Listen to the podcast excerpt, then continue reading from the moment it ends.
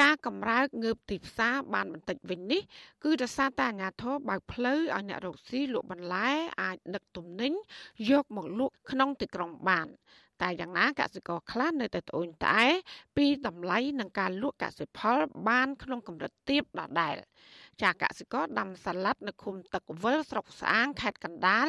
លោកយូលីងឲ្យដឹងថាប្រហែលថ្ងៃចុងក្រោយនេះឈ្មួញបានចុះមកម៉ៅសាឡាត់របស់លោកឡើងវិញ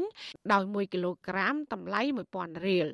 ចាកសិកររូបនេះអះអាងថាតម្លៃត្រឹម1000រៀលនេះគឺជាតម្លៃទាបបំផុតមិនធ្លាប់មាន។ លោកយូលីងបន្តថាជាធម្មតាក្នុងខែ5ខែ6ពាក់កណ្ដាលឆ្នាំបែបនេះសាឡាត់នៅចំការលោកអាចបានខ្ទង់5000ទៅ6000រៀលក្នុង1គីឡូក្រាមប៉ុន្តែបើទោះបីជាតម្លៃធ្លាក់ចុះខ្លាំងបែបនេះក៏កសិកររូបនេះត្រូវតែបង្ខំចិត្តលក់ចេញដែរបើពុំដូច្នោះទេសាឡាត់នឹងចាស់ខូចហើយលោកនឹងខាតទាំងស្រុងតែម្ដង។ យកទៅភាគច្រើនគេម៉ៅចកានៅតែគេទិញនៅដៃហ្នឹងទិញតម្លៃ7 800ហ្នឹងសាឡាគេម៉ៅដូចថាមួយតោន70ម៉ឺននេះចឹងណា80ម៉ឺននេះចឹងទៅខាតអាតម្លៃ800 900 1000ហ្នឹងគាត់ណាឲ្យថ្លៃធ្វើស្មៅឲ្យលុយលុយធាវលុយអីហ្នឹងអស់ហើយចំណែកអ្នកទិញបន្លែយកមកលក់បន្តម្នាក់គឺលោកស្រីអ៊ីរ៉េនឲ្យដឹងថាបញ្ហាការដឹកជញ្ជូនគឺពិតជាបានត្រួតបួលឡើងវិញមែនក៏ប៉ុន្តែបរិវត្តខ្លះនៅមិនទាន់ហ៊ានចេញពីផ្ទះមកទិញបន្លែហូប លោកស្រីបន្តថារាល់ថ្ងៃលោកស្រីអាចទិញបន្លែពីកសិករនៅស្រុកស្អាង មកលក់បានបន្តិចបន្តួចនៅតាមទីកន្លែងដែលអាជ្ញាធររៀបចំបណ្ដោះអាសន្ននិយាយទៅអូនស្រួលជាងមុនបន្តិចបងគាត់ថាតម្លៃអីគ្មានឡើងចុះទេនៅធម្មតា រដ្ឋាភិបាលបានដាក់ចេញបំរាមយ៉ាងតឹងរឹងមិនឲ្យប្រជាពលរដ្ឋធ្វើដំណើរឆ្លងកាត់ខេត្តនិងពីតំបន់មួយទៅតំបន់មួយទៀតជាដាច់ខាតចាប់ពីថ្ងៃទី14ខែមេសា រហូតដល់ថ្ងៃទី27ខែមេសាដើម្បីទប់ស្កាត់ការឆ្លងរាលដាលជំងឺ Covid-19 ចូលទៅក្នុងសហគមន៍ចាអាញាធរក៏បានបិទគប់រាជធានីភ្នំពេញ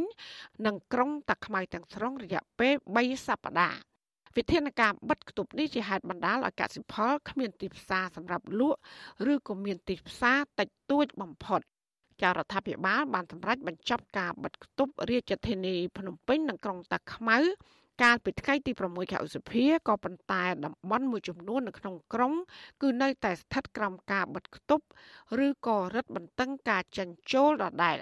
ចាបន្ថែមពីនេះរដ្ឋបាលរាជធានីភ្នំពេញ ក៏សម្រេចបន្តផ្អាកដំណើរការផ្សាររដ្ឋនិងផ្សារមិនរៀបរយទាំងអស់នៅក្នុងរាជធានីភ្នំពេញរយៈពេល1សប្តាហ៍ថែមទៀតគឺចាប់ពីថ្ងៃទី15ដល់ថ្ងៃទី21ខែឧសភា ក្រោមហេតុផលថាដើម្បីការពារជំងឺ Covid-19 ចាអភិបាលខេត្តកណ្ដាលលោកគង់សុភ័ណ្ឌប្រាប់វិទ្យុអសីស្រីថាកសិផលនៅខេត្តកណ្ដាលបានលក់ចេញខ្លះខ្លះហើយ ចំណែកការដឹកជញ្ជូននិងការលក់ដូរផលិតផលនិងកសិផល ដែលឆ្លងដែនរវាងកម្ពុជានិងវៀតណាមវិញ លោកថាក៏បានដំណើរការដោយធម្មតានោះដែរ។ ព្រោះវាអត់មានការស្រែកតវ៉ាឬតម្លៃទេគ្រាន់តែមករយៈមុនថាដូចថាផលិតបានមកមិនដឹងយកលក់តាព្រោះបាត់គ្រប់ច្រើនអញ្ចឹងណាដល់ឥឡូវទៅយើងបើកទីផ្សារបើកអីច្រើនឡើងវិញដោយសារស្ថានភាពគ្រប់គ្រងក្នុងខេត្តកណ្ដាលយើងឬតំបន់នានាហ្នឹងមានភាពល្អប្រសើរគ្រប់គ្រងជាប់មិនវាដាលដោយយើងមិនបាត់ស្ថានភាពគ្រប់គ្រងទេអញ្ចឹងដូចជាតម្លៃស្អីហ្នឹងវាធម្មតាដូចជាមិនមានការប្រតិកម្មអីទេ អាញាធិបព្រំដែននៃប្រទេសវៀតណាមបានហាមឃាត់ឈ្មួញវៀតណាមកុំឲ្យនាំបន្លែផ្លែឈើមកលក់នៅកម្ពុជា តាមច្រកព្រំដែនជ្រៃធំកាលពីពាក់កណ្ដាលខែមេសាដោយសារតែវៀតណាមបារម្ភពីការឆ្លងរាលដាលនៃជំងឺ Covid-19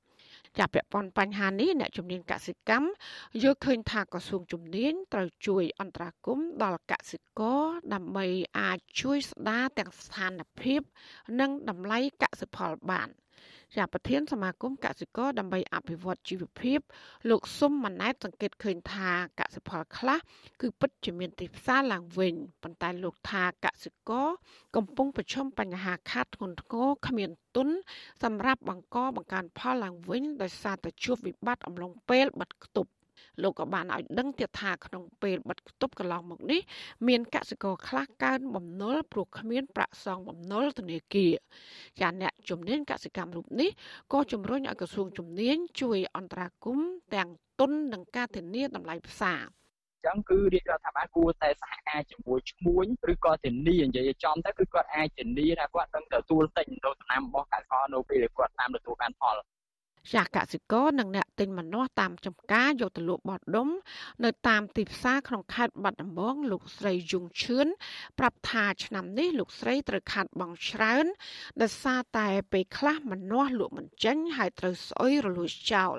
លោកស្រីចង់ឲ្យរដ្ឋាភិបាលកិត្តគូបញ្ហារោងចក្រកែច្នៃម្នាស់ដើម្បីជួយសម្រួលជីវភាពកសិករដាំម្នាស់ពីព្រោះម្នាស់ជាដំណាំហូបផ្លែហើយដែលទទួលបានផលគ្រប់រដូវ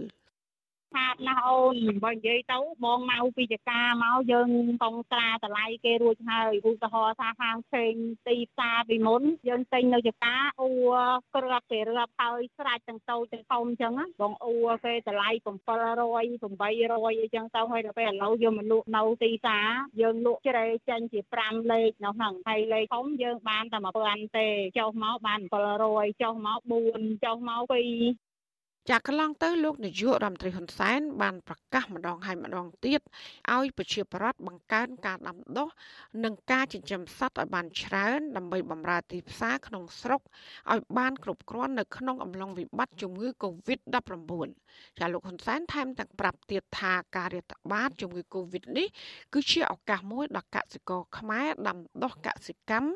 លក់បានប្រាក់ចូលយ៉ាងច្រើន ប៉ុន្តែនៅពេលដែលប្រជាពលរដ្ឋខំប្រឹងដាំបានហើយនោះស្រាប់តែគ្មានទីផ្សារលក់កសិផល ក្នុងតម្លៃសមរម្យទៅវិញ